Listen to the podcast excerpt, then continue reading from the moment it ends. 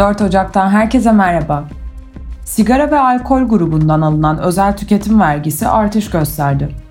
ÖTV'deki artış oranı %47,38 oldu. Türkiye'den gelişmeler. Türkiye İstatistik Kurumu Aralık ayında tüketici fiyat endeksinin bir önceki aya göre %13,58 arttığını, TÜFE'nin yıllık bazda ise %36,08'e yükseldiğini açıkladı. Böylece yıllık enflasyon Eylül 2002'den bu yana en üst düzeye yükseldi. Bu yılın ilk yarısında uygulanacak toplu sözleşme hükmü doğrultusunda memur maaşlarına %5 artış yapılması öngörülüyor. Buna göre %22,9'luk enflasyon farkının eklenmesiyle memur, sözleşmeli ve memur emeklilerinin maaş ve aylık artışları %27,9 olabilir. Öte yandan SSK ve Bağkur emeklilerinin aylıkları da geçen yılın son 6 aylık enflasyon oranında artacak. Bu oran yaklaşık %25,5'e karşılık geliyor. 2021 yılı dış ticaret rakamlarını açıklayan Cumhurbaşkanı Recep Tayyip Erdoğan son 12 ayın 11'inde ihracatta rekor kırıldığını ifade etti.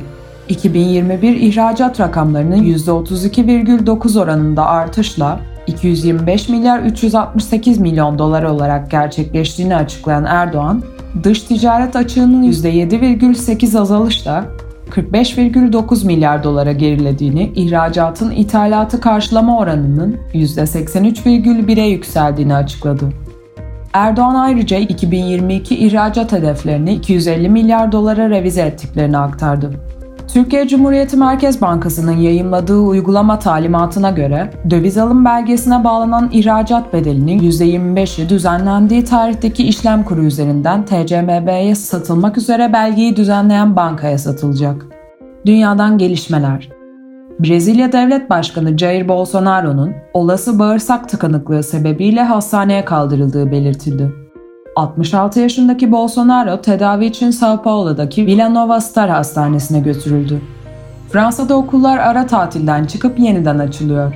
Öğrenciler ve öğretmenlerin enfekte olması durumunda tüm temaslılara test yapılması ve bu testlerin tekrarlanarak kontrolün sağlanması planlanıyor.